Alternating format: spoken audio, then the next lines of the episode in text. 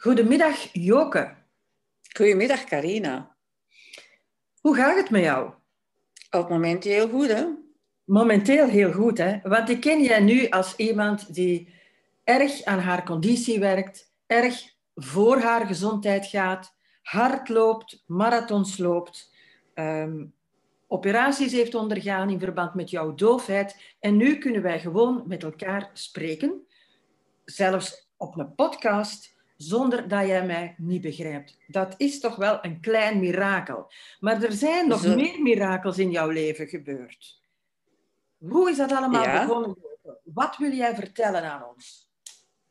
Ja, eh, toen ik ongeveer 20, 23 jaar was, eh, ben ik doof beginnen worden.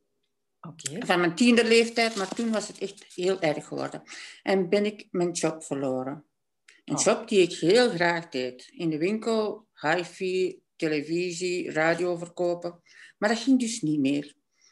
Ik deed in die periode ook avondschool. Dus ik hm. huurde een appartement in Antwerpen om zo tijd te besparen en niet telkens van Antwerpen naar huis te moeten met de bus.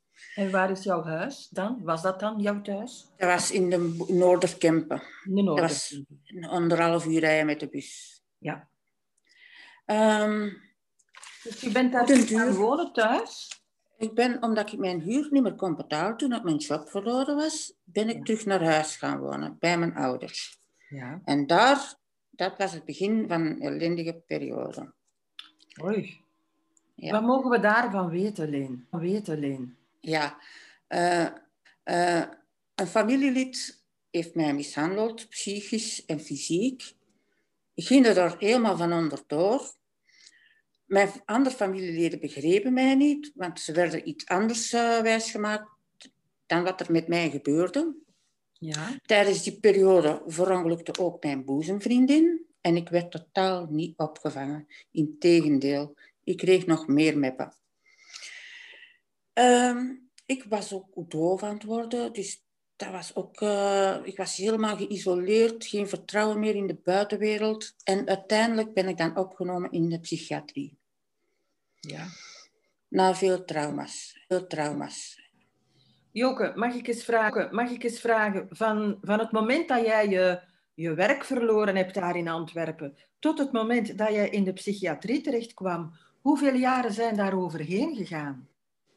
Ongeveer drie jaar. Ehm, ik zag, toen ik in de psychiatrie terecht kwam, zag ik dat andere mensen in mijn vriendenkring en familie hun leven verder opbouwden, terwijl ik daar maar zat. En mijn tijd te verdoen. Ik was nog jong, ik was 25 toen ik daar binnen ging. Ja. En ik heb daar dan negen jaar vast verbleven. Niemand kwam op bezoek. Geen familie, geen vrienden. Vrienden wisten zelf niet dat ik in de psychiatrie opgenomen was. Dat kan dus je ik? Ja, echt waar. Echt waar, ja. ja. Na, langs de ene kant voelde ik me veilig daar, omdat ik geen rammel meer kreeg, zal ik zeggen. Ik werd niet meer misbruikt, uh, psychisch en fysiek.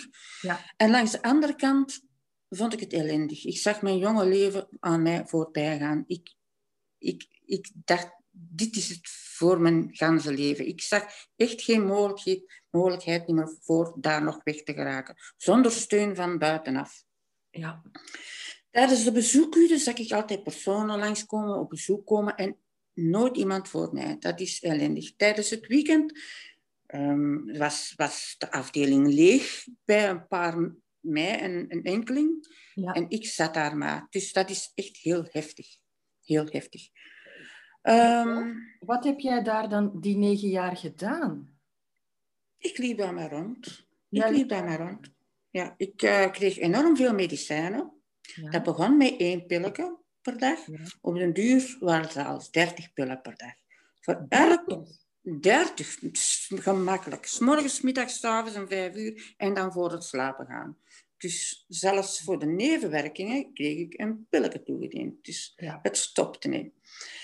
Um, ik was, die periode was ik heel boos en verdrietig op degene die, waar ik van vond, die eigenlijk schuldig waren aan mijn trauma's. Dus, uh, en ik heb dan ook mijn rekeningen niet betaald, want ik redeneerde, degene die schuld hebben aan mijn opname, die moeten de rekeningen maar betalen. Niet logisch natuurlijk, maar ik heb dus wel een schuld opgebouwd. Zo. Ja. En na een jaar kwamen ze daar natuurlijk bij uit. En dan ben ik gaan werken om mijn schuld terug te kunnen betalen. Ik verdiende toen, ik werkte toen op het ministerie van Financiën, op die directie. Een heel goed job. En ik verdiende daar 28.000 frank per maand. Vervolgens was mijn factuur van het ziekenhuis ook zoveel. Omdat ik ging werken en uiteindelijk dan dachten ze eigenlijk niet zo ziek was voor daar te verblijven. Mijn schulden werden hoger en hoger. En uiteindelijk werd er mijn bewindvoerder vast, uh, ja. Joke, mag ik nog eens even onderbreken? Dus als ik het goed begrijp, ben je daar negen jaar gebleven, maar vanaf het eerste jaar of in het tweede jaar ging jij overdag werken. Ja. Bij het ministerie van Financiën. Ja. En dan, hoe lukte dat? Ja, ik kon mijn gedachten wat verzetten. Hè. Ik was bezig uh, en ik hoefde niet of weinig aan mijn problemen te denken eigenlijk. Ja, dat was een soort vlucht. Ja, en dan na je werk ging je terug naar de psychiatrie? Naar de psychiatrie, ja. Dagverpleging. Ja, oké. Heftig zeg. Hoe zeg je dat? Heftig. Ja, ja, ja. ja. ja. Um, en dan kwam er een bewindvoerder in verband met jouw schulden. Ja, ja. Uh, na een half jaar dus ik zat daar in een zaaltje hm, met een lange tafel, een vergadertafel, met psychiaters, vrede, vrederechter, bewindvoerder, psychiatrische begeleidster. En ik, als kwetsbare persoon, moest dus eigenlijk maar slikken wat ze daar te zeggen hadden. Dus ik moest eigenlijk maar gewoon uh, akkoord gaan. Ik had geen... Uh, ja, ik kon... Je had eigenlijk geen stem? Geen verweer, geen verweer, geen stem. Ja, ja. En dat is uh, een periode van 22 jaar uh, dat ik daarbij bij geweest ben eigenlijk. Hè. Maar dat is een verhaal voor straks. Daar wil ik straks verder op ingaan. Ja, oké. Okay. Um, ehm, na zeven maanden waren mijn schulden vereffend, omdat ik ineens 700.000 Belgische frank remgeld terugtrok. Dus eigenlijk, wat ik te veel betaalde tijdens, toen ik ging werken, kreeg ik in één ruk toen ik bij mijn advocaat was, terug. Dus, ja. Ja, ja. Dat klinkt goed. Dat klinkt goed, maar ik voelde me een beetje gefopt. Ik heb die maanden zoveel moeten betalen, zodanig dat ik mijn schulden niet kon afhouden, maar nog hoger werden. Maar van het moment dat ik dan bij een advocaat ben, wordt mij veel remgeld terugbetaald. Dus dat is een beetje, een beetje raar, vind ik. Ja, ja. Le uh, Joke, hoe, hoe ben jij dan bij een advocaat terechtgekomen? Via, via de psychiatrie, hè? Via de psychiatrie. Heb jij gevraagd voor een advocaat? Nee, nee, dat hebben ze zelf voorgesteld. Ja. Oh ja, Omdat dus, ja. Ja. ja. Op, een bepaald, op een bepaald moment, na negen jaar, ik had al afstand genomen van de band van mijn familieleden. Ik werd toch telkens teleurgesteld als er een familiedag was of zo. Nooit kwam er iemand opduiken.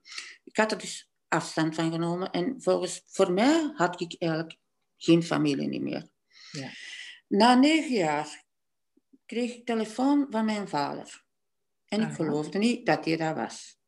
Ik geloofde dat niet. Ik geloofde dat niet. Dat hij dat was. Ineens telefoon. telefoon van mijn vader. Ik verschoot mij een bult. En ik zeg aan een telefoon, ik geloof je niet. Ik denk, ik weet, ik geloof je niet. Ja, wel ben ik het fokken. Ik zeg, ik geloof pas dat ik voor mijn neus ging staan. En hij kwam me halen, hij kwam me halen. Hij is je komen halen, nee. Hij kwam me halen voor een paar uur en we zijn iets gaan eten. In een restaurant of frituurtje iets gaan eten. Daarna had hij mij teruggebracht. Maar dat was de start dat hem om de 14 dagen mij vijf minuten kwam bezoeken. Vijf minuten voor twaalf. En om twaalf uur zijn nou moeten gaan eten. Ik zijn er. Ik kon, ze weg. maar dat was een begin. Dat was een begin. Hm? Dat, dat, was, een begin. een begin, hè? Ja. Dat was een begin. Ik moest eerst die band terug opbouwen. Iets wat afgebroken had, moest ik terug aan werken. Ja. Uh, en dan, na een half jaar, heb ik gezegd, ik neem aan mij naar huis, je moet terug thuis komen wonen. En dan ben ik terug thuis gaan wonen. Ja. Maar mijn trauma's waren nog niet weg. Hè? Mijn trauma's waren nog niet weg. Ik bleef daar eigenlijk dus mee zitten en ik moest nog altijd zoveel medic medicijnen pakken. Ja. En dan in 1999 heb ik in Dorp een appartement gevonden. En ik ben daarin gaan wonen. Twee jaar later kwam ik met een overleden partner, die ondertussen overleden is, overleden is. ontmoet ik mijn partner. En sindsdien is er eigenlijk een omkeer gebeurd, een omwenteling gebeurd met mijn leven. Amai. Ja, ja daar, deze liefde voor mij was zo overweldigend. Ik was er niet meer gewoon. Ik, kon, ik, was, ik had dat twintig jaar niet meer gevoeld. Ja. Uh, ik, ik zat ervan te wenen. Het zoveel pijn deed dat, dat, iemand, dat ik iemand terug kon graag zien en dat ik zelf ook bemind werd. En eigenlijk. dat zelf ook bemind werd. Bemind werd, oh. ja. ja, ja. Dat, dat, dat gevoel dat was zo overweldigend. En dan, na, na het zoveelste incident, kon ik het niet meer aan en heb ik een overdosis gepakt. Niet met mijn vriend, geen incident met mijn vriend, hè. Nee, nee. Maar van de buitenwereld. Van de, ehm, buitenwereld, ja. van de buitenprikkels. En dan heb je een overdosis aan medicatie genomen? Ja, niet om dood te gaan. Niet om, ja, om zelfmoordpoging, maar ik wou er niet... Ik wou, ik wou niet dood. Ik wou even van alle miserie en alle pijn verlost zijn. Ik wou even van niks niet meer afweten. Even kunnen rusten, mijn koppetje even kunnen laten rusten. Geen pijn meer voelen. Even... Maar dan hebben ze mij komen halen met een ambulance en naar de spoed gebracht. Mijn maag leeggepompt. En toen ik bijkwam, en naar een afdelingsspoed gebracht, kwam mijn zuster mij bezoeken. En ik was, voelde me schuldig voor hetgeen wat ik gedaan had. En ik zeg tegen mijn zus, dat je mij nog wilt komen bezoeken. En mijn zus antwoordde daarop, ik laat jou niet vallen, zo, ziet hij zo. Hè?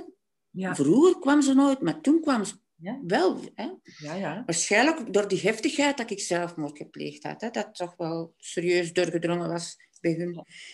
En uh, ik was er zo wat mee aan het babbelen. En hier zit hij, ze, ze, dat wil ik nou terug. Zeg, dat jij terug de lieve leen wordt van vroeger. Je moet stoppen met al die pilletjes. Ik wil terug dat jij de lieve Joke wordt van vroeger. Ja. Ja, oké. ja, ja oké. Zeg dat eens. En, en, en wat zegde uw zuster dan tegen jou? Mijn zus zei... Uh, ik zei tegen mijn zuster... Ik wist eigenlijk niet goed wat ik daar tegen moest zeggen. Maar ik zag buiten door mijn slaapkamer aan een konijntje. En ik weet dat mijn zus en, en, haar man voor de natuur zijn. En ik zeg, ik wijs naar, naar buiten en ik zeg tegen mijn zus, daar, een konijntje. En mijn zus antwoordt daarop, en wel, zei ze, zo moet jij terug worden. Hè? Terug de lieve Joke van vroeger. Wat je vroeger gewist hebt. Vroeger waren je ook een heel lieve. En ik dacht, oh. dat heb ik meegenomen. En het is dankzij dat antwoord dat ik mijn keer gegeerd heb. Ik heb toen... Uw keer? Mijn, uh, kar, gedraaid heb. Gedraaid, ja. Ja, ja. En gedacht, ik wil terug zoals vroeger wezen. Ah. Natuurlijk was ik ook al een paar dagen zonder medicatie. En begon ik terug te voelen. Was ik niet meer zo afgestompt. En begon ik terug mijn gevoelens terug te krijgen. En begon ik terug verdrietig te zijn, blij te zijn, boos te zijn. Alles kwam terug naar Alles boven. Naar boven. Terug naar boven. En ja. de psychiater heb ik gezegd, ik wil absoluut geen medicijnen meer pakken. Ik wil geholpen worden. En dan hebben ze mij op een afdeling gezet dat typisch was waar ze mijn problematiek konden helpen, zal ik zeggen. Voor al die dingen te leren verwerken. Ja. En daar heb ik een jaar opgenomen geweest. Ja. Met, met fantastisch resultaat dat ik nu ben. Hè. Met het fantastische Na een jaar waar jij van alle pillen af, had jij terug alle emoties, had jij je trauma's eh, een groot stuk verwerkt? Ja, ja, ja. dat heeft toch wel een beetje langer geduurd uh, dan een jaar. Want ik heb toch wel een paar jaar in beslag genomen. Je hebt volledig uh, van mijn trauma's achter de rug. Ja, natuurlijk ook, dat begrijp ik ja, wel. Ja. Uh, dat is een heel lang proces. Hè? Dat kun je niet van, van vandaag op morgen. Maar enfin, ik was dus pillenvrij, zal ik zeggen. Terug uh, met mijn bewuste kop in het leven. Ja. En de dag dat ik zelfmoord pleegde, ja. ben ik eigenlijk terug beginnen leven. Ja. Snap je wat ik wil zeggen? Ja, Dan is mijn leven eigenlijk terug gestart. Ja, dan is het terug gestart. Er moest iets gebeuren voordat uw ogen en alles te kopen ging. Ja, ja, ja. Je kunt soms zo diep zitten dat er alleen maar een weg terug naar boven is. Ja. Hè? En zover was het bij mij. Ja. Echt mooi gezegd. Je kunt zo diep zitten dat er alleen maar een weg terug naar boven is. Ja, ja, ja. Ik hoop dat de mensen die naar ons luisteren, eh, ja, dat ze daar eh, moed uit putten leen, want jij hebt het inderdaad bewezen, allemaal bewezen. ja. En, en nu, en dan, dan ben jij op dat appartement in het dorp blijven wonen. ja, En dan- ja. Ben jij ook blijven werken en je bent beginnen sporten. En, Ja, ja. Het deed vrijwilligerswerk, hè? Vrijwilligerswerk. Als bij een leeftijd kunnen nog moeilijk een, een, een vaste job... eh, dat is moeilijk te, te, behalen, te behalen. Met mijn verleden ook vooral, wie gaat mij aanpakken? Wie gaat Ja. mij, welke baas gaat jou geef ik een kans? Ja. Dus, eh, dus vrijwilligerswerk, dat staat erin. En eh, ook bewust leven, gezond leven. leven. In 2014, 2014 heb ik nog een grote innerlijke stresserende strijd geleverd om van mijn bewindvoerder af te geraken.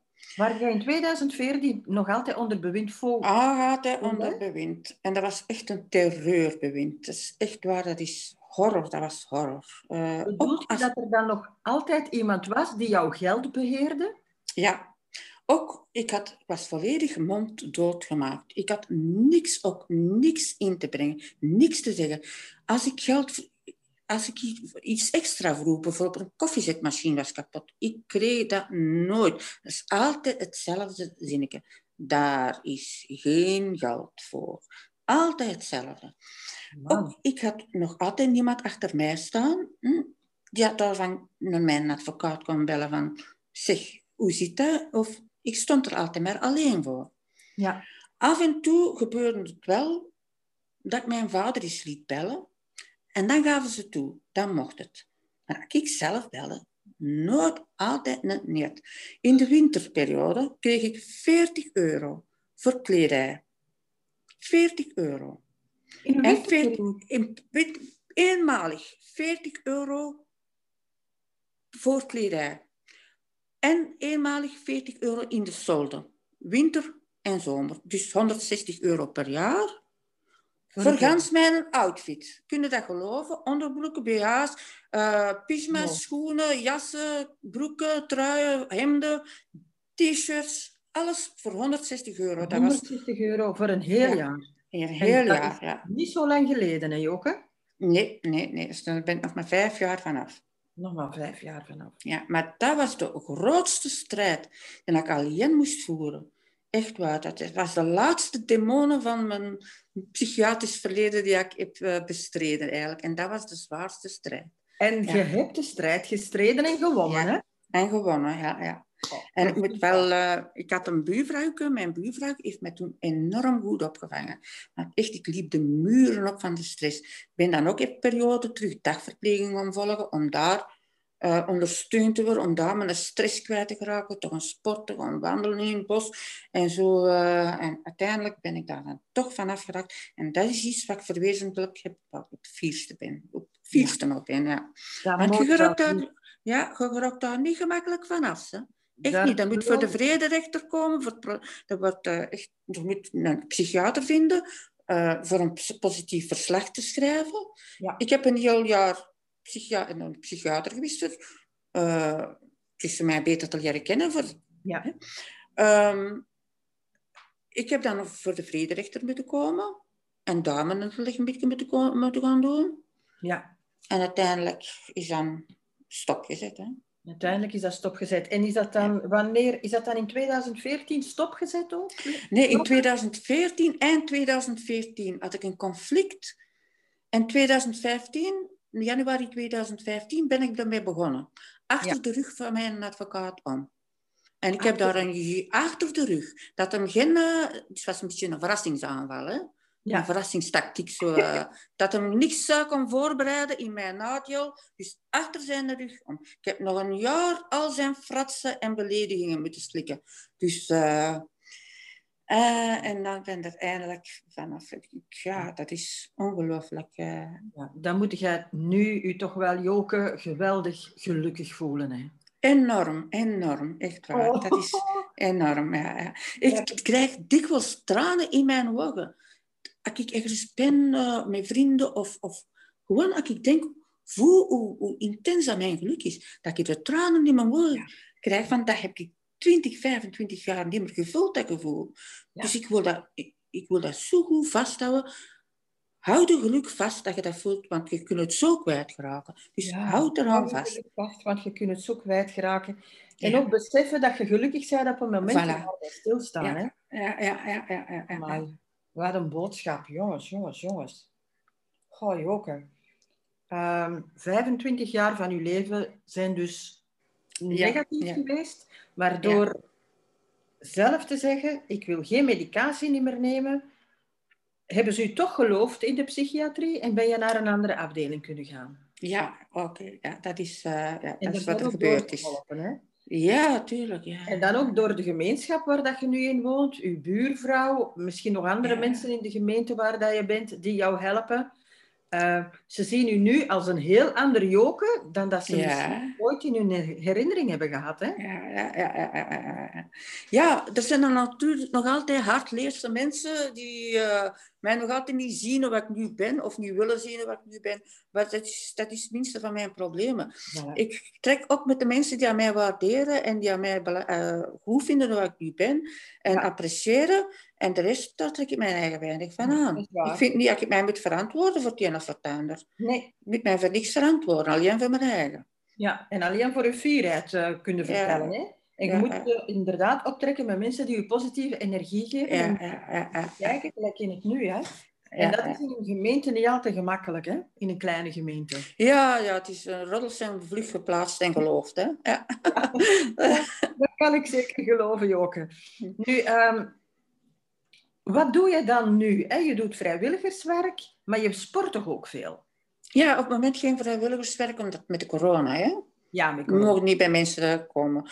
Ja. Um, ik doe elke dag, ik ga lopen, veel lopen. Dat is eigenlijk mijn hoofdactiviteit.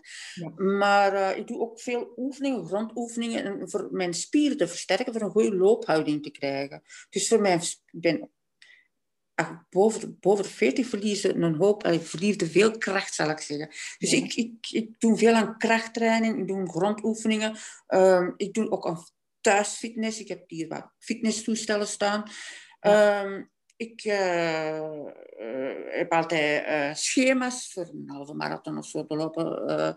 dus schema's waar ik mijn oefeningen mee moet doen, waar ik krachttraining mee moet doen, waar ik mijn intervaltraining... En dus een, ja een volledig gamma aan sportactiviteiten. Je bouwt zo een heel planning op om ergens ja, een ja, te bereiken. Ja, structuurschema om, om dus, uh, een sport, sporttest te laten doen. En dan aan de hand van die sporttest dus, dus zo opbouwen schema. Ja, ja, maar ja. Uh, dus jij werkt echt, echt wel aan jezelf. Ja, ja, ja. Die, 25, die 25 jaar dat je geleefd hebt, hoor ik je negatief geleefd heb met medicatie en zo, ja. is er eigenlijk roofbouw op mijn lichaam gepleegd. Ja. Ja. Niet gezond, niet bewegen, uh, een hoop chemicaliën in je lijf. En nadat ik gestopt ben met die pillen, heb ik ook gedacht, nu ga ik erom beginnen om gezond te leven. Nu ga ik mijn lichaam verzorgen. En mijn lichaam uh, een goede tijd verzorgen. Voor de, voor de jaren dat ik nog heb, ga ik Ja. dat, uh, ga ik dat uh, ja, moet ik dat zeggen? Uh, Ga ik dat aan? verzorgen en, en, en voortzorgen eigenlijk. Ja. Ik, ook, eh, ik ben, vroeger wist ik niet wat er onder mijn vel zich afspeelde. Maar nu kijk ik meer, ben ik, eh, heb ik meer voeling wat er onder mijn vel zich afspeelt. Wil ik dat ook allemaal weten? Waar dient dit voor? Wat, dat, dat, wat is het nut van dit? eh, wat is het nut van dat? En ik kan nu onder mijn vel kijken wat, er, wat alles eigenlijk werkt, zal ik zeggen. Ja, hoe dat uw Ja. organen werken, uw darmen. Ja, ja, ja, wat dat goed is voor mijn darmen, wat dat goed is voor mijn maag, wat dat goed is voor mijn lever, wat ongezond is, wat dat goed is voor mijn cholesterol, wat dat goed is voor mijn hersenen. Dus eigenlijk... eh, Eigenlijk eh, zou je daar ook veel mensen mee kunnen helpen, hè, Joke? Ja, ik vind dat iedereen zelf moet zien wat ze van hun eigen nut maken. Uh, ik geef wel wat tips aan mijn vriendinnen en zo. Maar uiteindelijk beslissen ze dat zelf nog. Ik wil niet een bed beter uithangen. Ja. Ja. Ja, helpen bedoel ik als ze jou iets vragen. Hè? Dan kan je ja, dat wel. Ja, ja, ja, Dan kan, kan je antwoorden geven. Nu, iets wat je nog overwonnen hebt, is toch ook jouw doofheid voor een groot mhm. Want wij kunnen nu met elkaar praten. Mm dat is toch ongelooflijk. Je bent uh, nog niet zo lang geleden toch ook geopereerd. Ja, cochleaire implantaat. Dat is een chip in uw kop. Een chip in dus eigenlijk de oren worden niet geopereerd, maar er wordt een kunstmatig een, een robotoor ingeplant in, in uw hoofd. Ja. En nu ben ik er nog altijd hoorlessen voor ontvolgen. Ja. Mijn hersenen hebben 40 jaar niet meer, geen geluiden niet meer opgevangen. En nu moet ik al die geluiden terug aanleren aanleren. Hè? Dus uh, via sessies bij de logopedist, wekelijkse sessies. Ook thuis veel oefenen, via uh, luisterboeken, via een website oefeningen doen.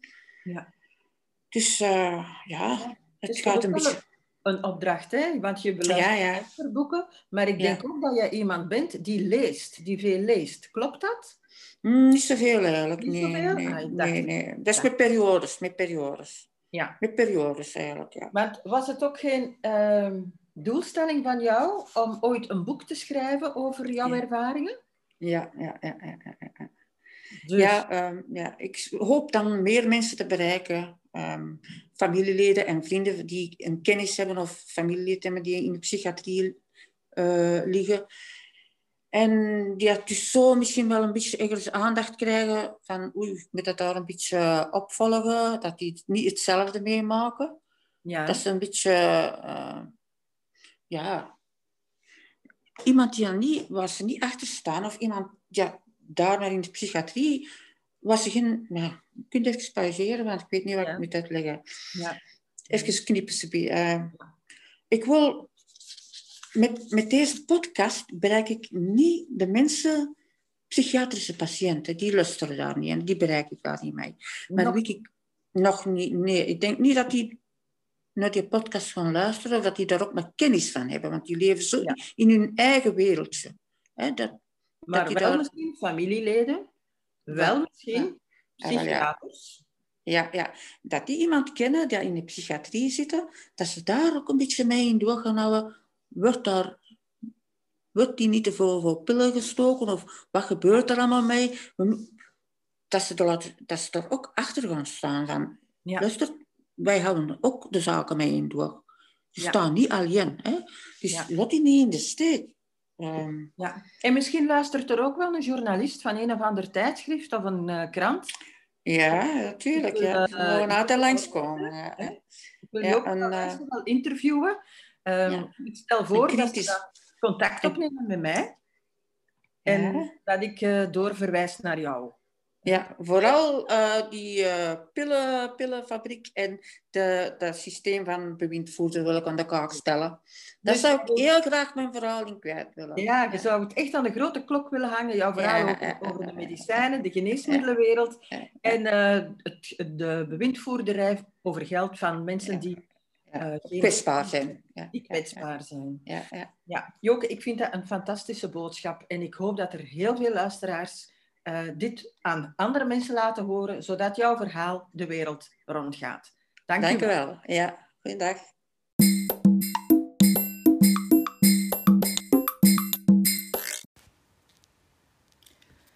Goedemiddag, beste luisteraars. Luisteren naar jouw innerlijke stem. Daar wil ik het graag met jou vandaag over hebben. Want de mensen die ik heb geïnterviewd op de podcasts, ik ben daar fier op. Eén voor één zijn dat mensen die doen wat ze moeten doen, zonder dralen, zonder twijfel.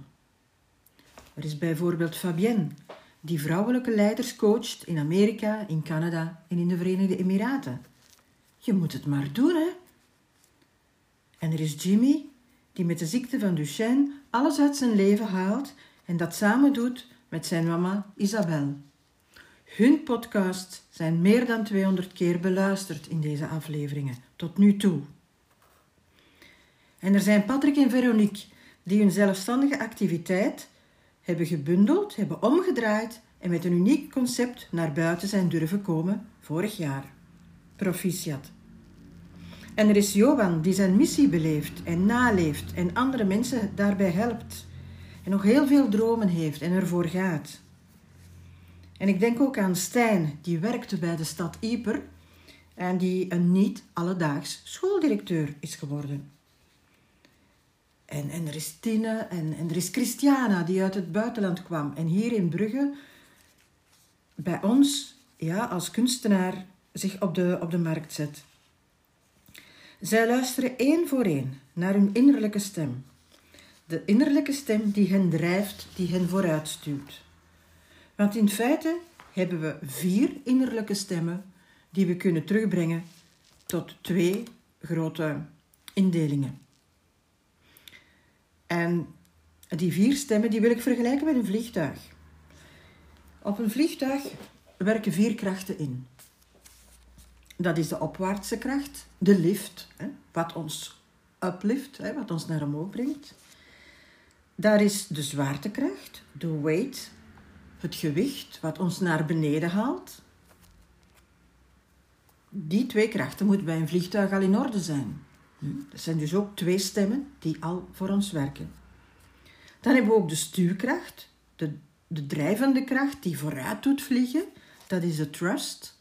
En het tegenovergestelde daarvan is de drag, is de sleepkracht wat ons tegenhoudt. Zowel weight, dus zwaartekracht, als sleepkracht, die maken ons moe, die, die brengen ons down. En zowel lift als stuurkracht, die twee, die zorgen ervoor dat we vooruit geraken en dat we opgelift worden, dat we gemotiveerd geraken. Mijn Ja, ik ga je twee voorbeelden geven van een situatie waar ik zelf in gezeten heb en waar ik die beide stemmen, die beide krachten heb, heb gehoord. Bijvoorbeeld, ik heb een faillissement gehad in 2003 door een borgstelling voor iemand anders. Die zaak is failliet gegaan en daardoor werd ik meegesleept in het faillissement. Ik moest mijn huis verkopen, mijn mooie cabrio. En mijn eerste stem van zwaartekracht en van sleepkracht die zei tegen mij: ah, Wel, nu heb ik niks niet meer. Pff, je kunt beter stoppen met trainingen en cursussen te gaan geven. Wie gaat jou nu nog vertrouwen? Maar er was ook mijn tweede stem. Mijn lift in combinatie met mijn stuurkracht, met de trust. Die zei van, och, Carina, een huis is maar een huis. Aan jou zelf is er niets veranderd. Jij bent nog altijd een prima trainer en opleider. Neem contact op met uw klanten, leg het uit en, en ga verder. En het is gebeurd ook. En mijn tweede voorbeeldje is over 2009. Toen ik in een echtscheiding belandde en ik gedwongen werd om de rechten van equicoaching af te staan aan mijn ex-man. Ik potverdorie, die zelf het concept, het woord als eerste gedeponeerd had bij het Benelux Merkenbureau. Dat werd mij nu afgenomen. Ik had er heel veel in geïnvesteerd en 50% van mijn inkomsten of van onze inkomsten kwamen uit equicoaching. Mijn eerste stem, de sleepkracht en de zwaartekracht, zei: Carina, nu staat er weer alleen voor. Hoe ga je dat hier alleen trekken op die boerderij? Zoveel werk en dan nog eens zelfstandig zijn? Je kunt dat niet allemaal coördineren. Je zet 50% van je omzet kwijt Zouden niet beter terug failliet gaan? Zelfs mijn boekhouder, mijn externe, slepende stem, die zei tegen mij: Zou jij je niet beter van kant maken? Oh, man. Maar gelukkig had ik ook weer mijn liftende en mijn stuwende stem, die zei: Hup met de geit, Carina. Focus opnieuw op waar jij zelf goed in bent, op jouw trainingen en op jouw coachings. En die stem zei ook tegen mij: Yes, eindelijk weer alleen. kan ik echt voor mijn droom gaan die ik heb en heb ik geen rekening te houden met andere mensen. Of ja, ik kan mezelf terug op de rails zetten. En ook hier heeft de liftende en stuwende kracht mij geholpen, mijn innerlijke stem, om weer mezelf uh, ja, in balans te komen. De sleepkracht, de zwaartekracht, die innerlijke stem zouden we onze innerlijke duivel kunnen noemen. Ken jij de stemmetjes van jouw innerlijke duivel? Deze stemmetjes nemen al jouw vertrouwen weg, ontnemen je jouw daadkracht, brengen jouw twijfel en angst. En als je te veel naar die innerlijke duivel luistert, dan ga je het na een tijd nog zelf geloven ook. Ik kijk eventjes terug naar mijn coaches van de laatste twee weken. Wat hoorde ik hen wel niet zeggen? Oh, Carina, ik ben zo bang om mijn zekerheid te verliezen. Oh, Carina, het gaat over verschillende personen hoor. Ik twijfel aan alles wat ik te doen heb. Ik ben zo bezorgd. Of, oh, Carina, ben ik eigenlijk wel bekwaam genoeg? Of, ik ben positiefste, Carina, maar potverdik, het is niet gemakkelijk. Of, oh, mijn hoofd dat tolt naar alle kanten, jong. Ik word daar zo moe van.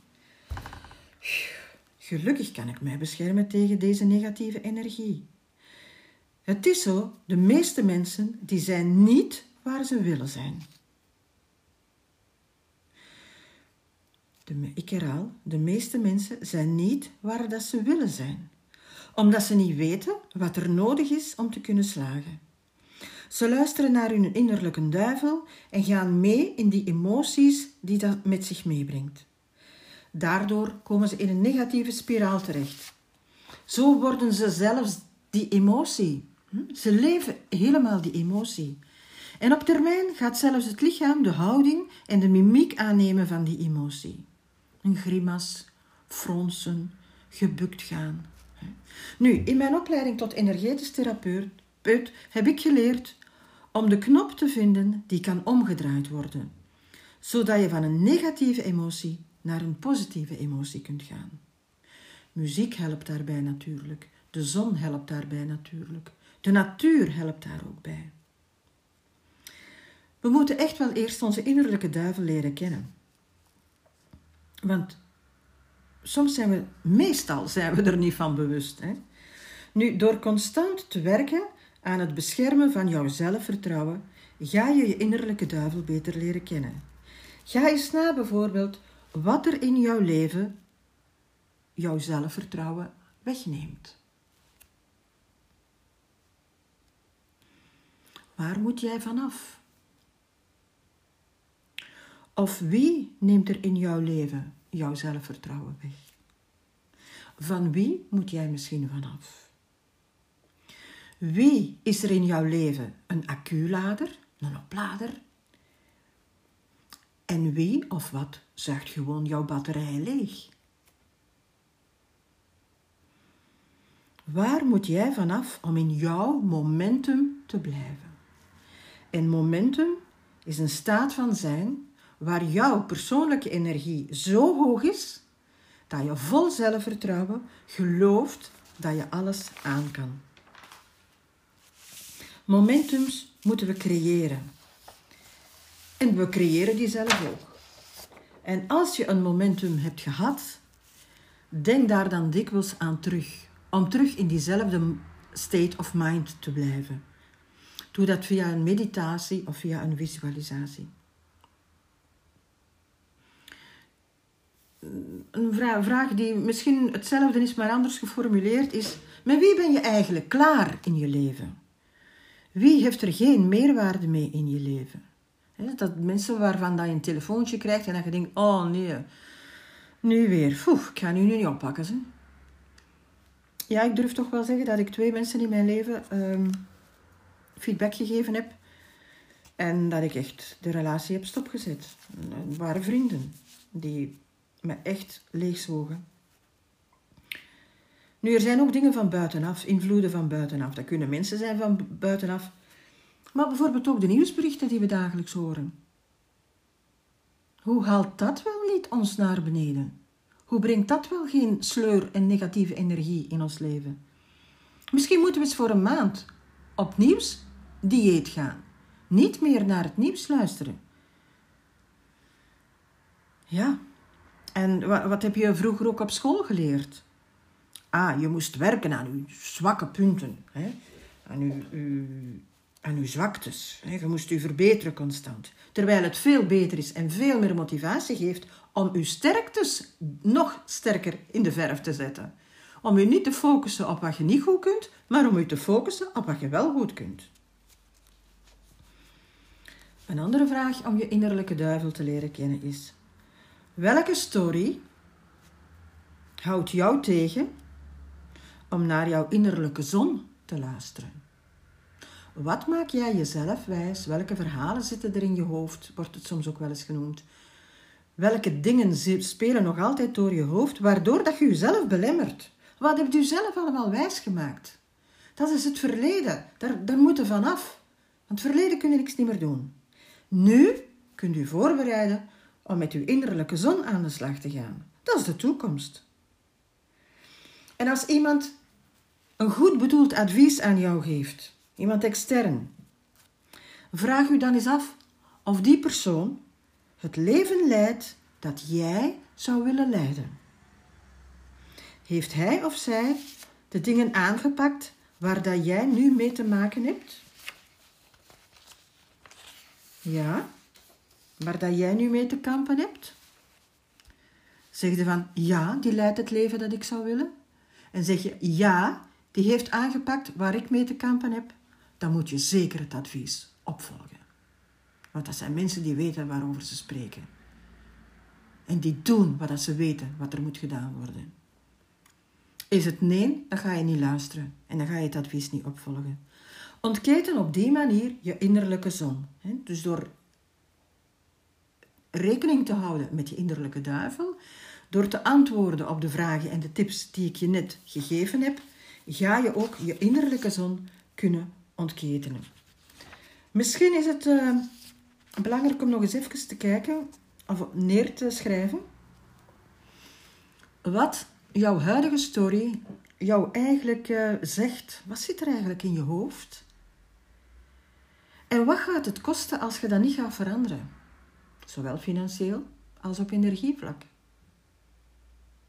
En wat heeft het tot nu toe misschien allemaal al gekost?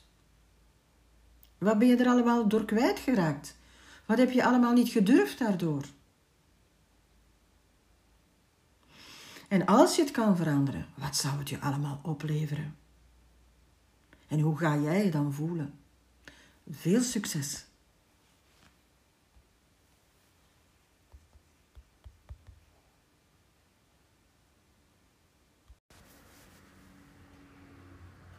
Beste luisteraars, durven jullie mensen om hulp vragen? Durven jullie mensen om advies vragen? Ik was er benieuwd naar, want zelf heb ik toch wel een tijdje geen hulp of advies durven vragen. Dus in mijn besloten Facebookgroep Haal het beste uit jezelf heb ik een poll gemaakt rond die vraag. de meeste mensen zeggen van Jawel, ik durf wel hulp en advies vragen als ik de oplossing echt niet zie zitten. Als ik het echt zelf niet weet. Nog velen zeggen: ja, ik durf wel om hulp en advies vragen als de persoon eenzelfde ervaring heeft gehad als ik. Als die hetzelfde heeft meegemaakt als ik. En ik veronderstel dan dat die persoon daar goed is uitgekomen. Want mensen die eenzelfde ervaring hebben gehad dan jij, maar die er niet goed uitgekomen zijn, daarvan zou ik geen advies aanvaarden. Andere elementen die in de poll uh, aangeduid worden zijn als het van iemand komt die ik vertrouw. Als de persoon aan wie ik het vraag eerlijk en onbevangen haar of zijn mening zal geven. En iemand anders voegt toe als ik een tweede opinie wil uh, rond iets belangrijk. Nu, aan bekende mensen vragen om advies en hulp is misschien nog moeilijker dan zelfs aan professionelen om hulp vragen.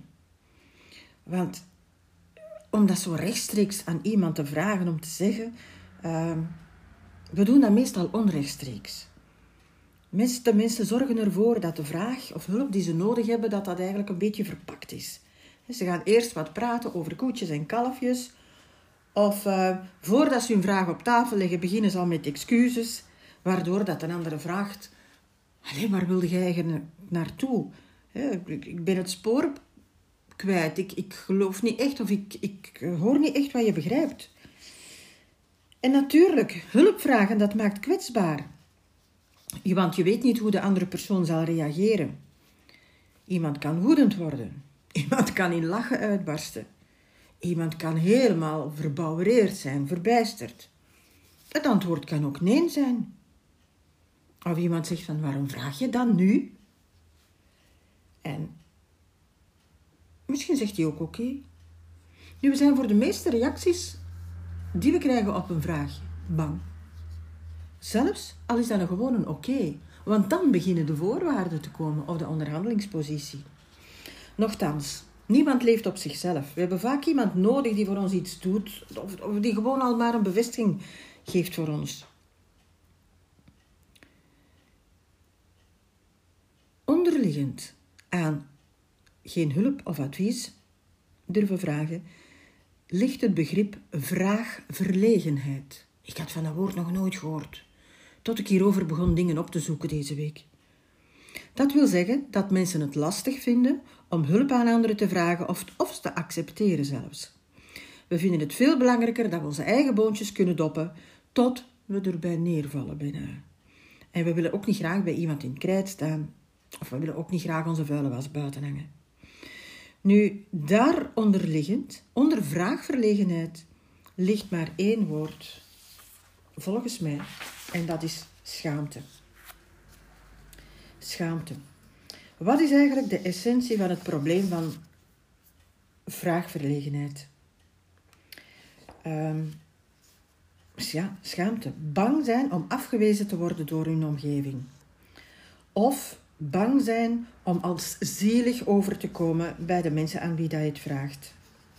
Nu, elke sociale werker weet inmiddels wel uh, dat onder schaamte het gaat meer dan over niet afhankelijk willen zijn van iemand, bang zijn voor bemoeizucht van anderen, bang zijn om de banden die je al hebt met iemand te verstoren, de relaties te verstoren of bang zijn om een beroep te doen over de naaste familie, want goh, ze hebben het toch al zo druk.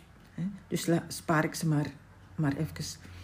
Nu, vraagverlegenheid is niet hetzelfde als schaamte, dat klopt. Maar onder schaamte, ik bedoel onder vraagverlegenheid, zit wel heel vaak schaamte. Het is een masker van uh, ik wil jou niet tot last zijn. Jij hebt het al zo druk. We poneren dus eigenlijk onze eigen schaamte op de anderen. We geven de oorzaak van het niet om hulp durven vragen, wijten we toe aan anderen. Eigenlijk heeft dat nog wel iets ridder, ridderlijk in zich. Hè? Zo, uh, je vraagt het niet omwille van de anderen. Het draagt nog iets eervol in zich. Maar het gaat wel specifiek over jou, de vraag die je hebt en jouw naaste omgeving waar dat je niet terecht durft. Nu, er is de laatste jaren veel, zeg maar heel veel onderzoek verricht naar schaamte. Van blogs, boeken, zelfs universitaire proefschriften. En laat ons eens eerst eens kijken wat het woord schaamte betekent. Etymologisch komt het van de Germaanse stam skam of skem, eh, wat een gevoel van schaamte of schande betekent. Die woordstam komt dan weer verder uit het Indo-Europees, kam of kem. En wat zit daarin, mensen? Verhullen of verbergen. Dus de notie van verbergen is intrinsiek verbonden aan het woord schaamte. Schaamte gaat dus om blootgesteld te worden aan de blik van iemand anders, aan het oordeel van onze omgeving. En daarbij is er een belangrijk eerste kenmerk en dat is een behoefte om te verdwijnen, om bijna onzichtbaar te worden. We slaan onze handen voor ons gezicht, we verbergen ons hoofd in onze schoot, we wenden ons gelaat af omdat we zo beschaamd zijn. Een tweede kenmerk is dat met schaamte ook fysieke pijn gepaard gaat. Ah ja, ja, dit is een bijzondere en relatief recente ontdekking. Maar dat betekent dat schaamte niet alleen iets geestelijks heeft, iets psychologisch, maar dat het ook waarneembaar effect heeft in ons lichaam. Zo gelijk dat je een klap in je gezicht krijgt, dat je dat, ook voelt. Hè? Nu, het blijkt uit recent onderzoek, hersenonderzoek, dat wanneer mensen zich schamen, dezelfde hersendelen worden geactiveerd, net zoals zij een signaal krijgen van fysieke pijn. Dus dezelfde hersendelen worden geactiveerd, zowel bij schaamte als bij een mot krijgen. Raar, hè? Een ander kenmerk van schaamte is veroordeling. We hebben het gevoel dat we niet deugen, dat we niks waard zijn. En we beginnen onszelf al te veroordelen in schaamte. En wie zich schaamt, raakt hierdoor zo gefixeerd op die emotie van, van niet deugen en niks waard te zijn. En herhaalt dat dan misschien ook nog eens kort in, in het eigen hoofd. Waardoor dat je doordat die schaamte, als die jou overvalt, niet meer helder kan denken, praten, iets doen, studeren of wat dan ook. We spreken zelfs van een vrouwelijke vorm van schaamte en een mannelijke vorm van schaamte. Een vrouwelijke vorm van schaamte, daar gaat het vooral over de bedreiging van in verbinding te zijn met iemand anders. De, de bedreiging van niet meer in een relatie te zitten met iemand. Een mannelijke vorm van schaamte is eerder het verlies van aanzien dat een belangrijke rol speelt, niet zozeer van de banden. Schaamte is ook een gevolg van de vergelijking met anderen. We vergelijken ons met anderen en we schamen dat we niet hetzelfde zijn. Het beïnvloedt onze relaties, het beïnvloedt de aard van de groep of van de samenleving waarin dat we zitten. En het heeft ook te maken of wij ons kunnen gedragen conform de waarden en de normen van de sociale omgeving waarin dat we zitten. Het is dus ook een sociaal uh, proces. Schaamte is in feite dus een sociale emotie. Precies, omdat mensen zo blijkbaar zo bang zijn dat ze verbinding met hun vrienden, met hun familie, met hun netwerk zouden verliezen, net op het moment dat ze er een beroep op willen doen. En dat dan juist die schaamte optreedt, dat is veelzeggend. Want dat zegt namelijk heel veel over de heersende norm de heersende norm waarvoor mensen bang zijn om die te overtreden. Paul Verhagen, prof aan de Universiteit in Gent, die zegt: de sociale norm blijkt te zijn, blijkt te zijn geworden. Wij vragen niet om hulp aan elkaar. Het is niet een expliciet heersende norm, het is impliciet. Het dwaalt rond in ons onderbewustzijn. Het zweeft onzichtbaar rond in ons collectief geheugen. Maar die norm is voortdurend aanwezig. We vragen niet om hulp aan elkaar. We zitten in een zeer individuele maatschappij met veel competitiedrift en wij zien een mensenstijging, een aantal mensen, veel meer mensen die kampen met sociale angst en dus met schaamte. We hebben die, Verhagen gezegd, we hebben die samenleving zelf gecreëerd.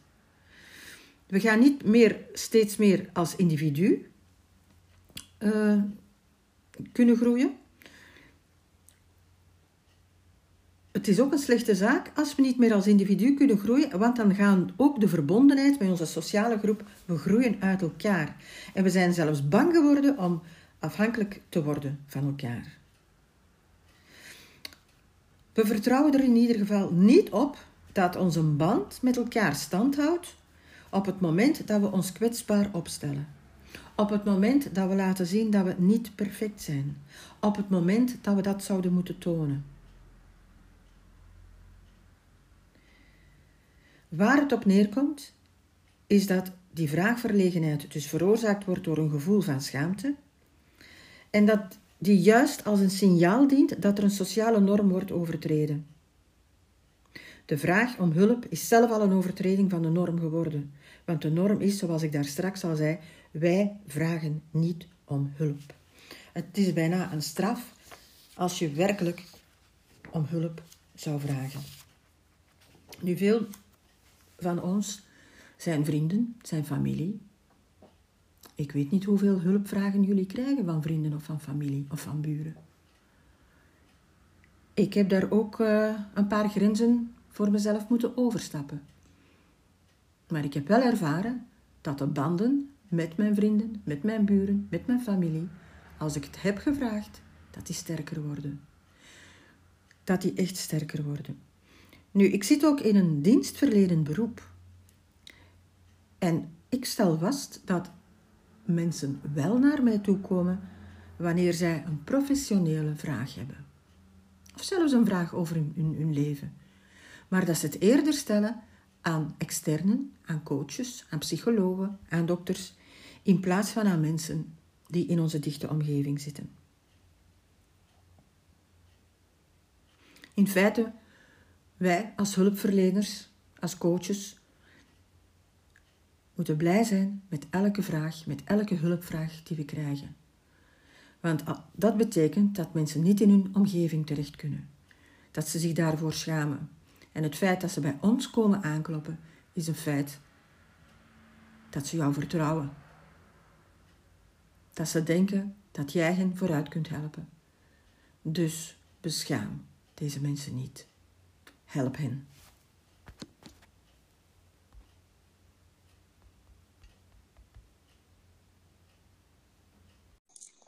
Hallo. Ah, Davinia. Oké, goed, het is gelukt. Um, 3, 2, 1, we gaan beginnen. Goedemiddag, Davinia. Goedemiddag, Carina. Davinia Ramon, wat een mooie, exotische, vrouwelijke naam zeg.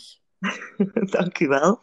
Ja, maar uh, beste luisteraars, Davinia is ook een zeer speciale vrouw. Ik heb haar twee jaar geleden leren kennen, toen zij op consultatie kwam bij mij. Um, we zijn elkaar niet uit het oog verloren, maar wat mij toen al opviel, is dat haar leven uh, heel bewogen is geweest en dat zij er wonderwel in slaagt om haar relaties tot anderen te versterken, te optimaliseren. Nu, dat is niet altijd zo geweest, uh, Davinia. Jij bent uh, als kind geboren waar precies? Ik ben geboren in Gent in het jaar 79, dus ik ben 42 jaar nu. Ah, je bent van 79, je bent 42, wauw. Um, en in Gent geboren, want jouw familienaam, Ramon, doet mij e- helemaal niet aan Gent denken, maar aan Zuiderse landen, zoals Spanje bijvoorbeeld. Ja, dat klopt. Ja. Um, ja, de naam Ramon is eigenlijk de naam van mijn moeder. Dus ik heb niet de naam van mijn vader, ik heb de naam van mijn moeder gekregen.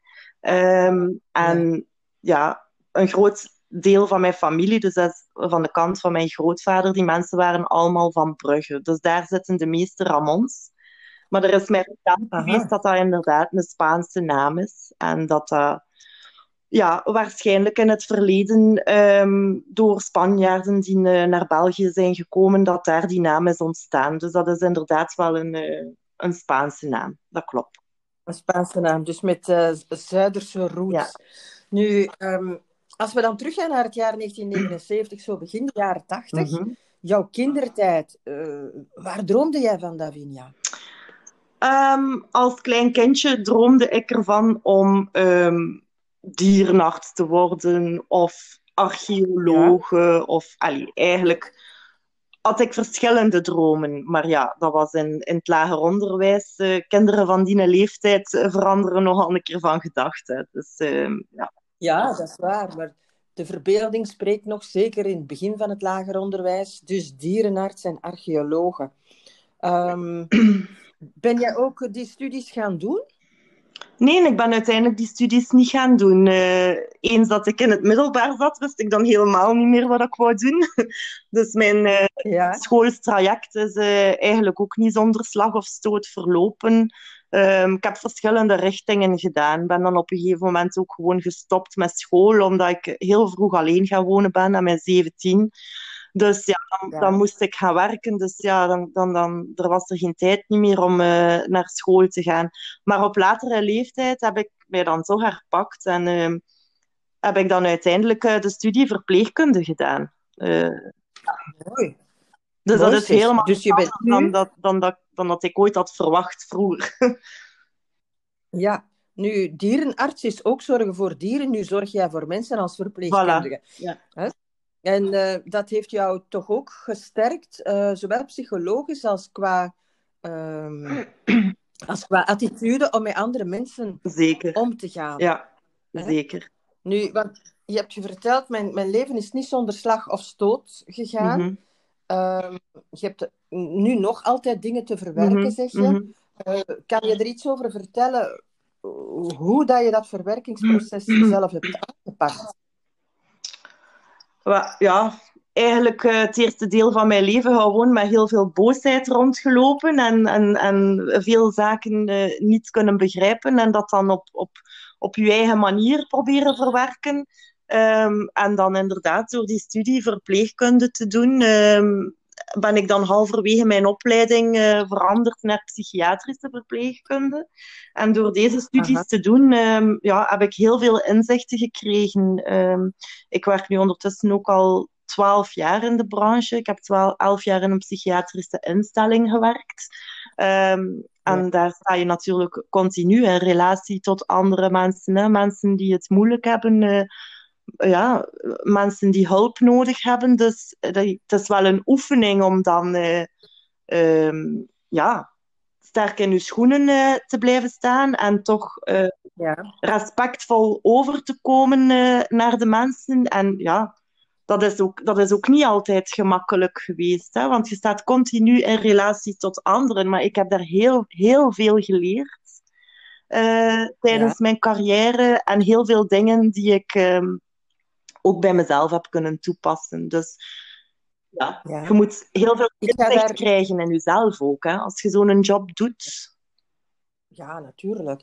Nu, ik ga daar zelfs nog op terugkomen, maar ik wil nog eventjes terug naar, naar die kindertijd. Ehm, je zegt Ramon is de naam van mijn moeder. Mogen we daar iets meer over weten? Jazeker. Ehm dus ehm, ja, ik ben geboren en mijn moeder was een alleenstaande. Dus ik heb mijn vader eigenlijk ehm, grotendeels van mijn jeugd niet gekend. Eh, ik heb hier en daar wel wat flarden opgevangen van wat voor persoon dat, dat was, maar ik had geen gegevens. Ik wist niet hoe dat hij noemde, ik wist niet waar dat hij woonde. Ehm, dat was Ja. gelijk ook één groot geheim. Er werd daar niet over gesproken. Ehm, ja, mijn moeder was daar heel kwaad op en die wou ook niet dat ik mijn vader leerde kennen. Dus die heeft mij ook helemaal niks van informatie gegeven, ook uit schrik, omdat ik hem dan ging gaan opzoeken. Maar Ja. ik heb een eigen... Davinia, maar heb je... Heb, pardon, Eh, sorry dat ik je onderbreek. Ehm, ik begin opnieuw. Davinia, heb jij hem gemist? Ik heb iets gemist. Ik kan niet zeggen dat ik hem gemist heb, want ik heb hem nooit gekend. Maar er is wel een leegte geweest. Er is iets Ja. geweest dat niet klopte voor mij. Ik ben opgegroeid met één ouder.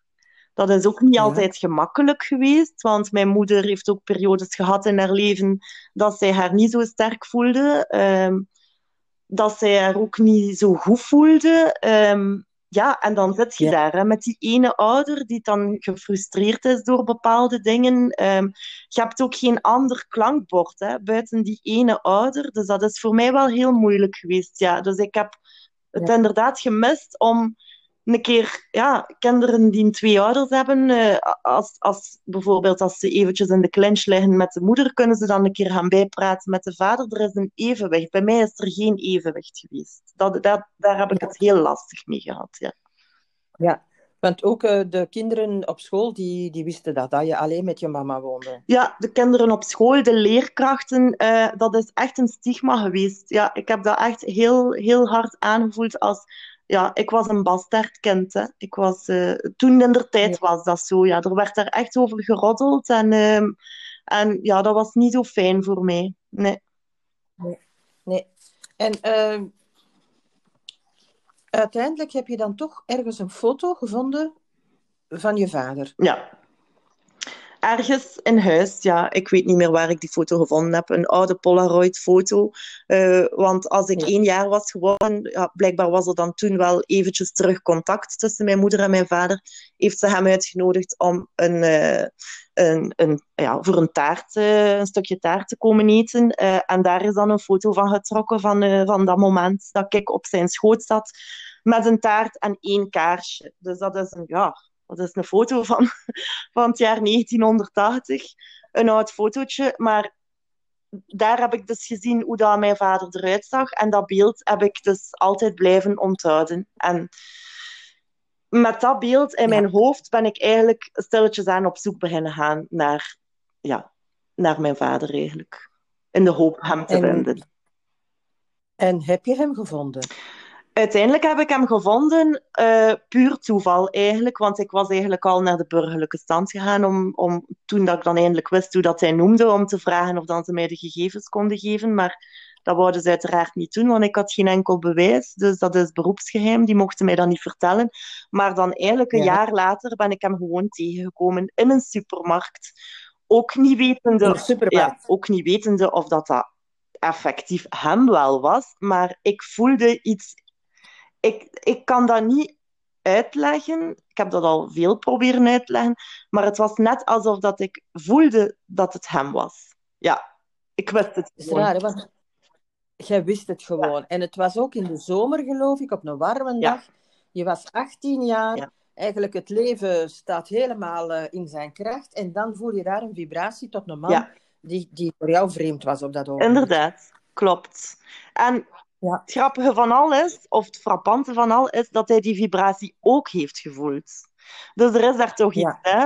Ze zeggen bloed trekt of eigen bloed trekt. Ik weet niet hoe dan ze dat uh, uitdrukken, maar dat is ook effectief wel zo. Hij heeft die vibratie ook gevoeld.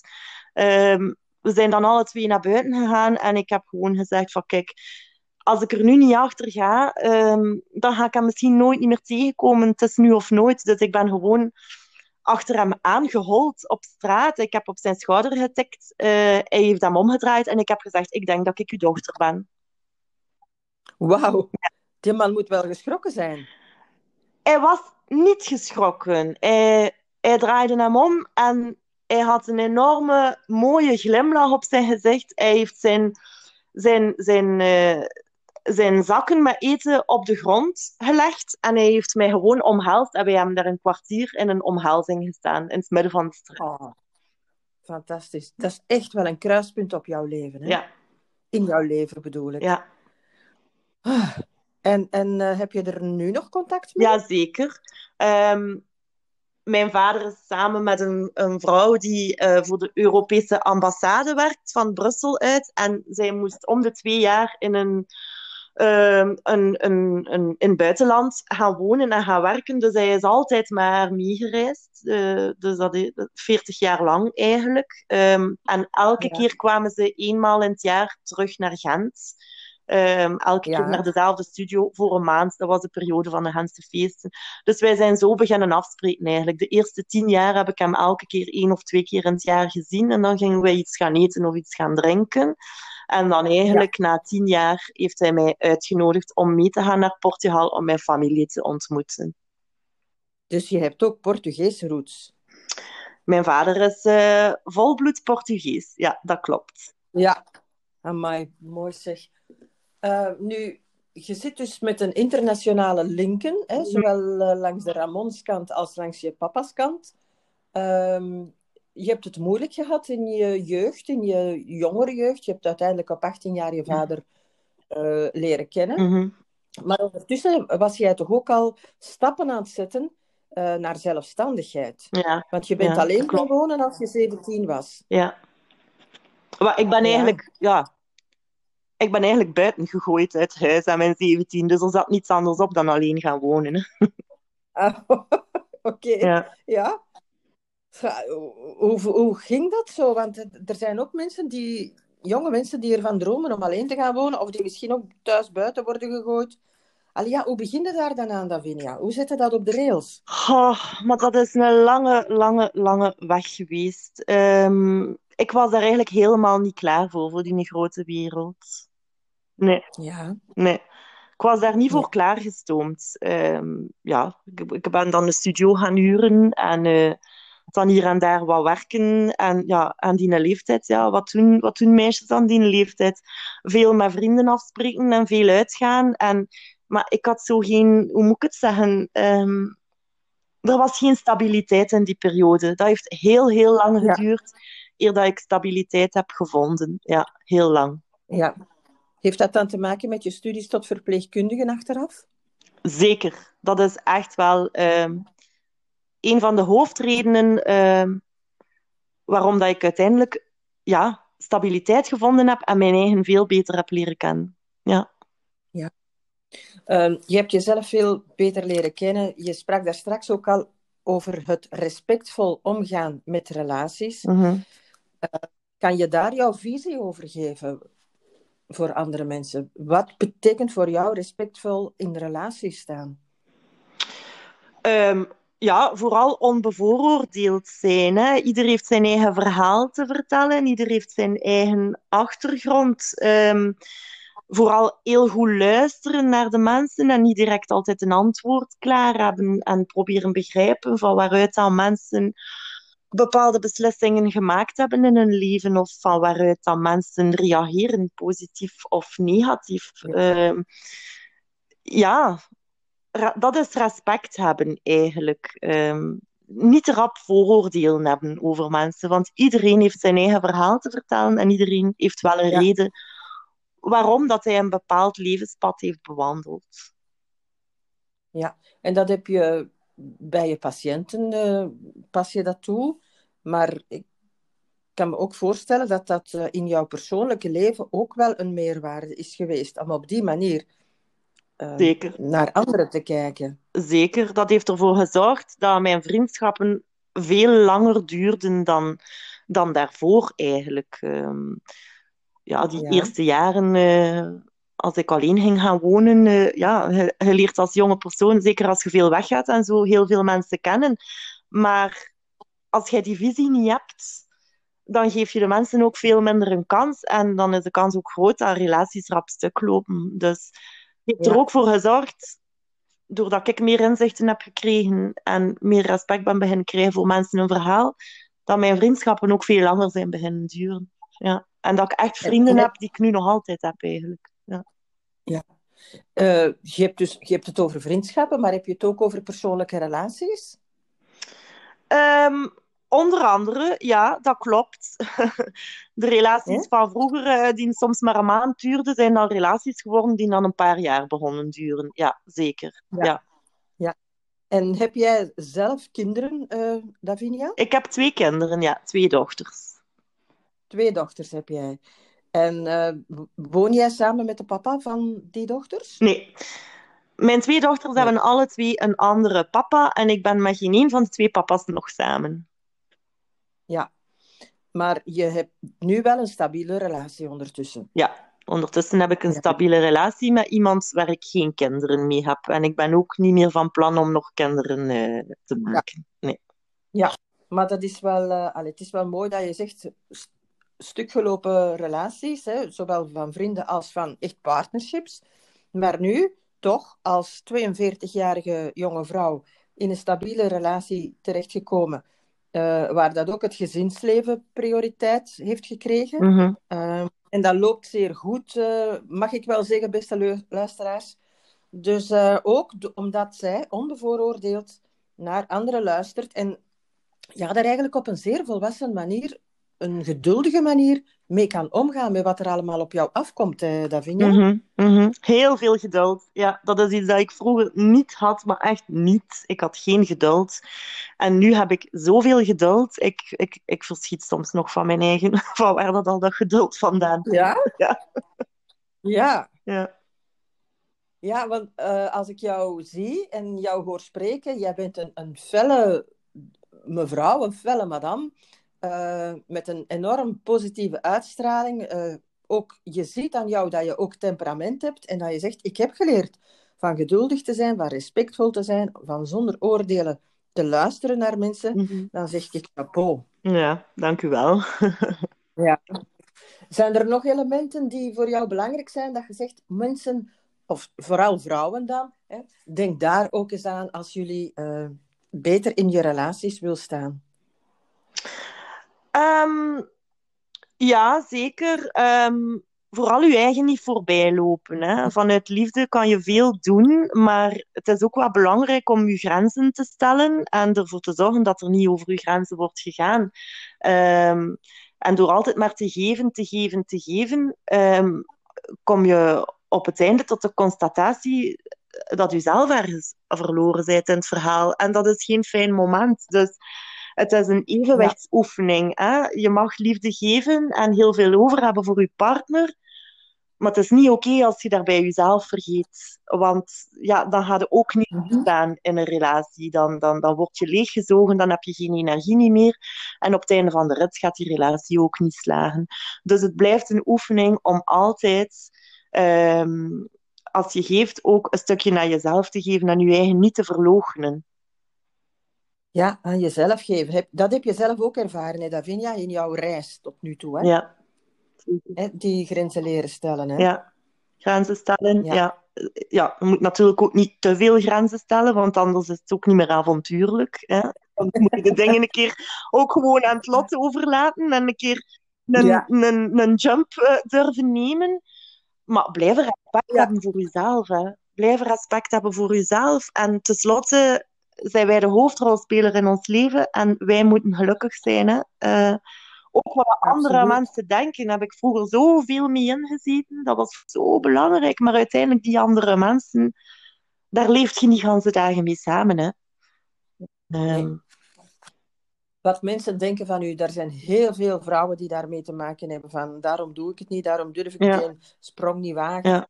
En daarom kijken ze ook niet naar, naar eh, hun eigen situatie. voilà. Dus ik, ik vind het wel boeiend om, eh, om dit van jou te horen. Zijn er, eh, dus misschien een rare vraag, maar zijn er zo boeken waar dat jij aan denkt die tof zouden zijn om te lezen? Ah, wel, ik heb nu toevallig gisteren twee boeken besteld op bol.com. Ehm, het ene Ja. boek, eh, maar dat zijn allemaal ja, dat zijn titels die ik eh, gehoord heb van collega's of, of vrienden die zeggen van die een boek moeten lezen. Dus ik ben nu eigenlijk echt wel van plan om eh, redelijk wat boeken te lezen en mijn boekenkast te vullen. ik heb een periode gelezen. Ehm, nu heb ik ehm, Niemands Kinderen besteld. En dat is eigenlijk een boek, ja, dat is zo'n beetje wat het verhaal van mijn leven ehm, in grote lijnen vertelt. Dat zijn eigenlijk kinderen die een soort van onveilige hechting gehad hebben. Hè? Die ehm, wel ouders gehad hebben. En die, die mensen hebben natuurlijk wel vanuit hun eigen ehm, perspectief allee, hun kinderen opgevoed, zo goed of zo kwaad als, als dat mogelijk is. Maar dat wil daarvoor niet zeggen dat die kinderen daar niet onder geleden hebben. En die een boek wil ik nu wel lezen om wat tot inzichten te komen. Zo. Ehm, Ja, dat klinkt interessant, inderdaad. Niemands Ja. kinderen. dus heb, Over kinderen met een... heb kinderen die niet gehecht zijn, heb kinderen die onveilig gehecht zijn. Allee, er zijn verschillende soorten van hechting. En eigenlijk dat boek gaat over hechting. En dat is bij mij wel een eh, rode draad in mijn leven geweest. Hechting. Ehm, en, en, en alle vormen van hechting die er bestaan. Ehm, en het andere boek is een boek over een ballerina die in Auschwitz eh, beland is. eh, in haar tienerjaren. eh, haar ouders zijn onmiddellijk naar de gaskamer gestuurd. Zij heeft daar een paar jaar gezeten en verschrikkelijke dingen meegemaakt. Ehm, maar altijd geprobeerd om positief te blijven en om, om, om de mensen rondom haar daar te inspireren.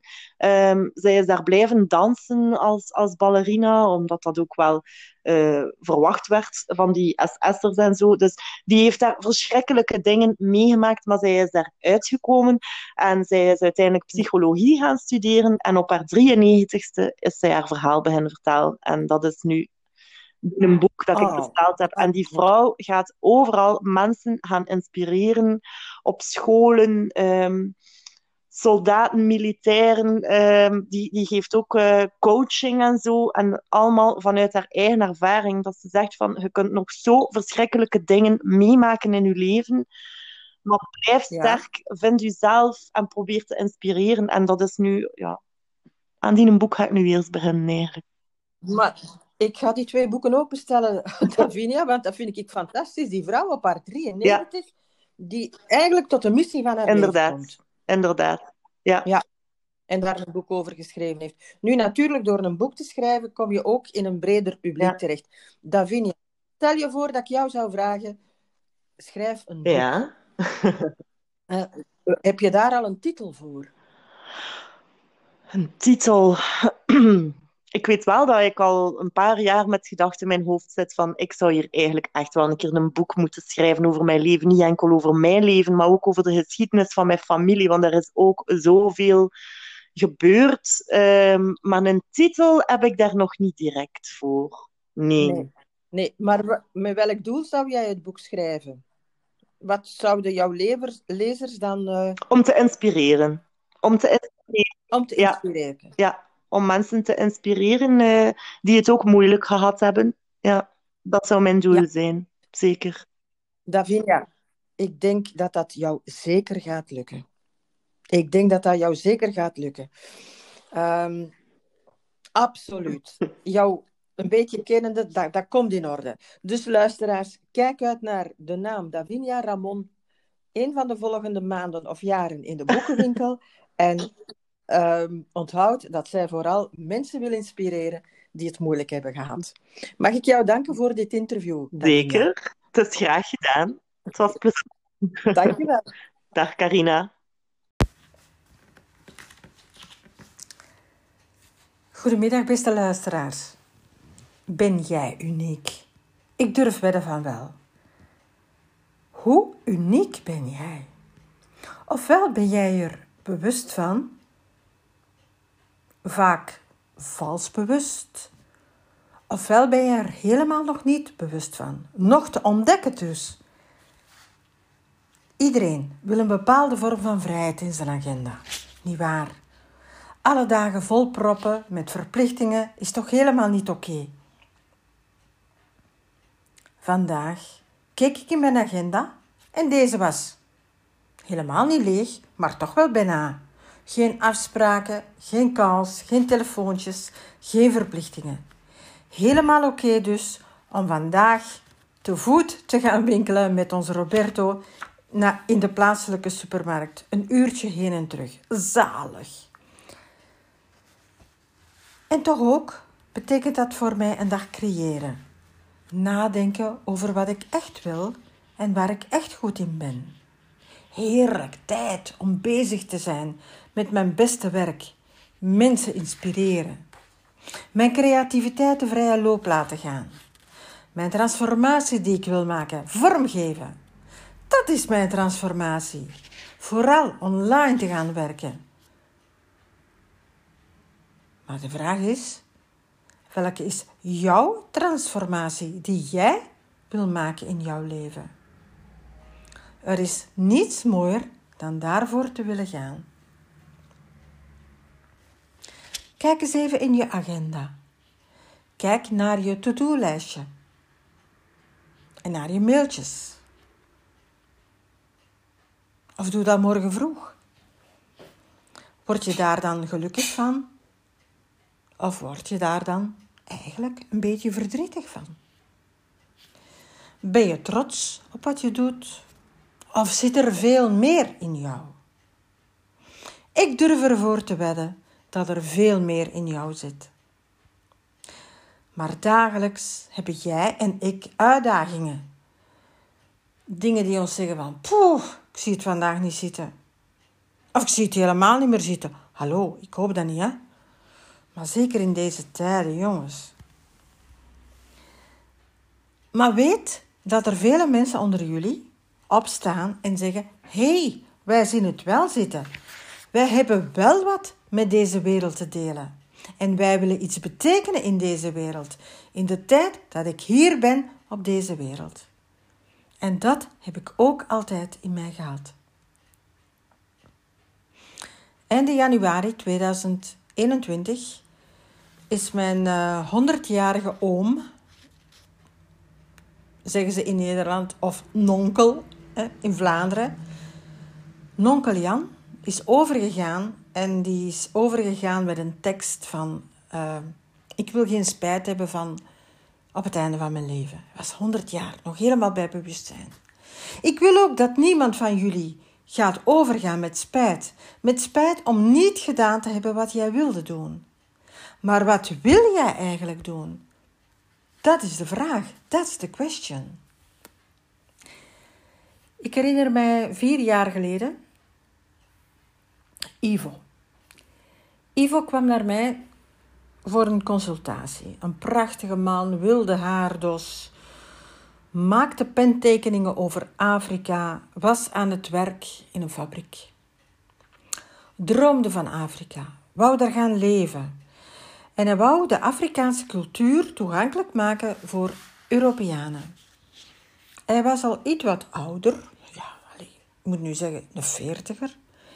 Hij had twee jonge kindjes en een lieve jongere vrouw in Vlaanderen. En hij had heel wat omzwervingen gehad in andere continenten. Hij had een grote droom. Afrika naar Europa brengen, toegankelijk maken. Het jaar nadat ik hem gezien had, maakte hij een, uh, een reis sorry, naar Zuid-Frankrijk en wilde hij zijn twee zoontjes en zijn vrouw al meenemen ter voorbereiding op een, ja, een wild cruise, een wild safari. En daar in Zuid-Afrika. Ze kampeerden zeer, zeer, zeer natuurlijk. Ze wandelden, uh, gingen op tocht in rivieren. Ze, ze kookten de vis die ze dagelijks uh, vangden en zo verder. Vingen. Tot op een dag hij uitgleed op een steen in de rivier in Zuid-Frankrijk. Dood op slag. Wegdroom. Weg wat hij wilde doen. Achter mij klikt de tok. De tok van de klok. Voor elk van ons kan het zijn dat we op een dag op een steen belanden in een riviertje dat we niet hebben zien aankomen. Wat wil jij eigenlijk doen? Mijn advies is dat je meer zou gaan nadenken over wat jij zou willen doen, in plaats van wat anderen zeggen dat jij moet doen of zou moeten doen.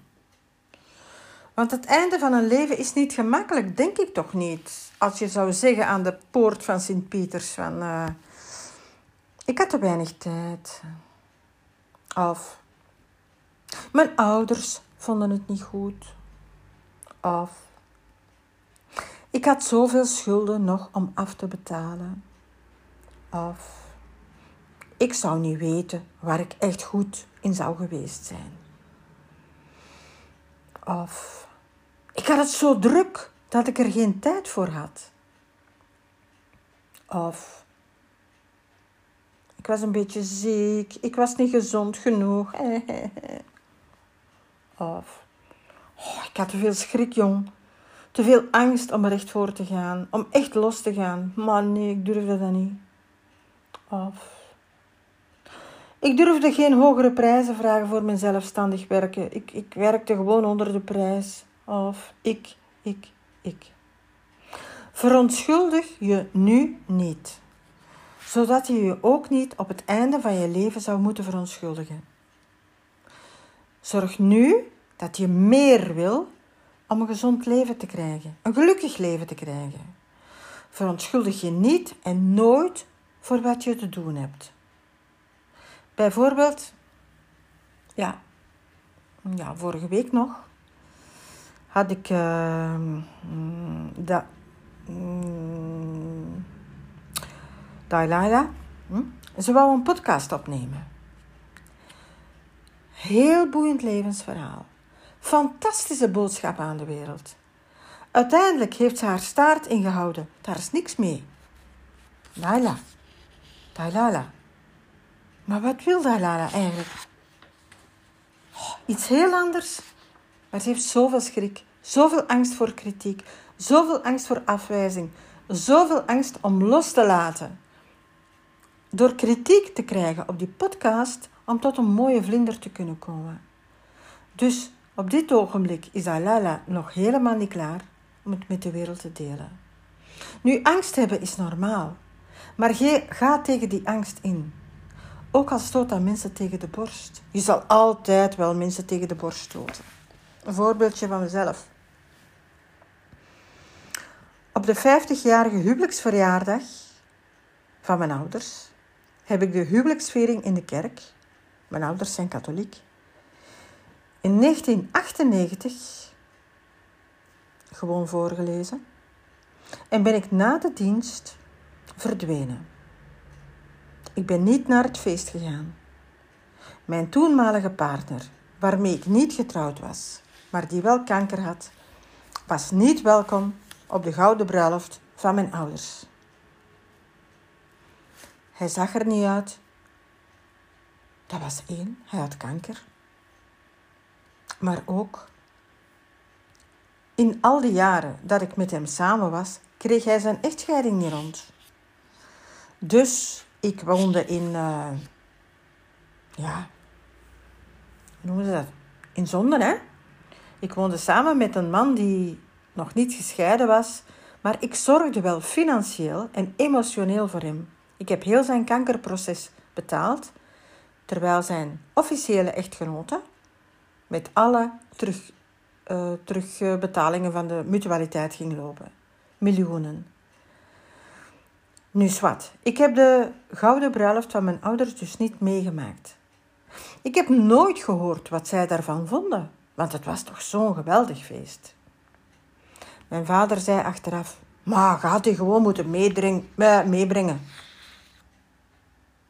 Maar mijn moeder, die zei iets heel anders. Nu denk ik, lafaards. Zij durfden niet het leven leiden. Zij durfden niet hun mening geven, zelfs niet tegen elkaar. Zij durfden niet authentiek zijn. En dat is een proces van alle tijden. Ik word ouder nu. De processen die ik doormaak, maken nu onze dertigers en veertigers door. En voor hen wil ik er zijn. Ik heb weliswaar tegen schade en schande geleerd dat je eerst voor jezelf moet zorgen. Denk maar eens even terug aan een vliegtuigcrash. Ik ben piloot. Wat gebeurt er als je gaat vliegen? Ze zeggen: zet je eigen zuurstofmasker op voordat je anderen kunt helpen. Waar of niet waar? Dat klopt. Tot zelfs twee jaar terug. Ik spreek nu 2021. Tot zelfs drie jaar terug. In verband met een erfenis van mijn familie.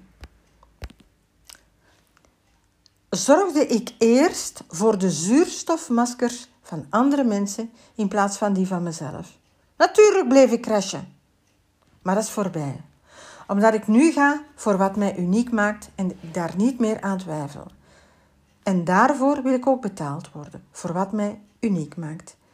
Ik vroeg veel te goedkope, goedkope prijzen omdat ik bang was om cliënten te verliezen.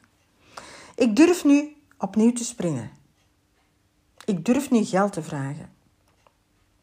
Ik ben freelance zelfstandige. Ik heb geen andere inkomsten. Ik was al 15 jaar aan het werk zonder loonsverhoging. Hallo?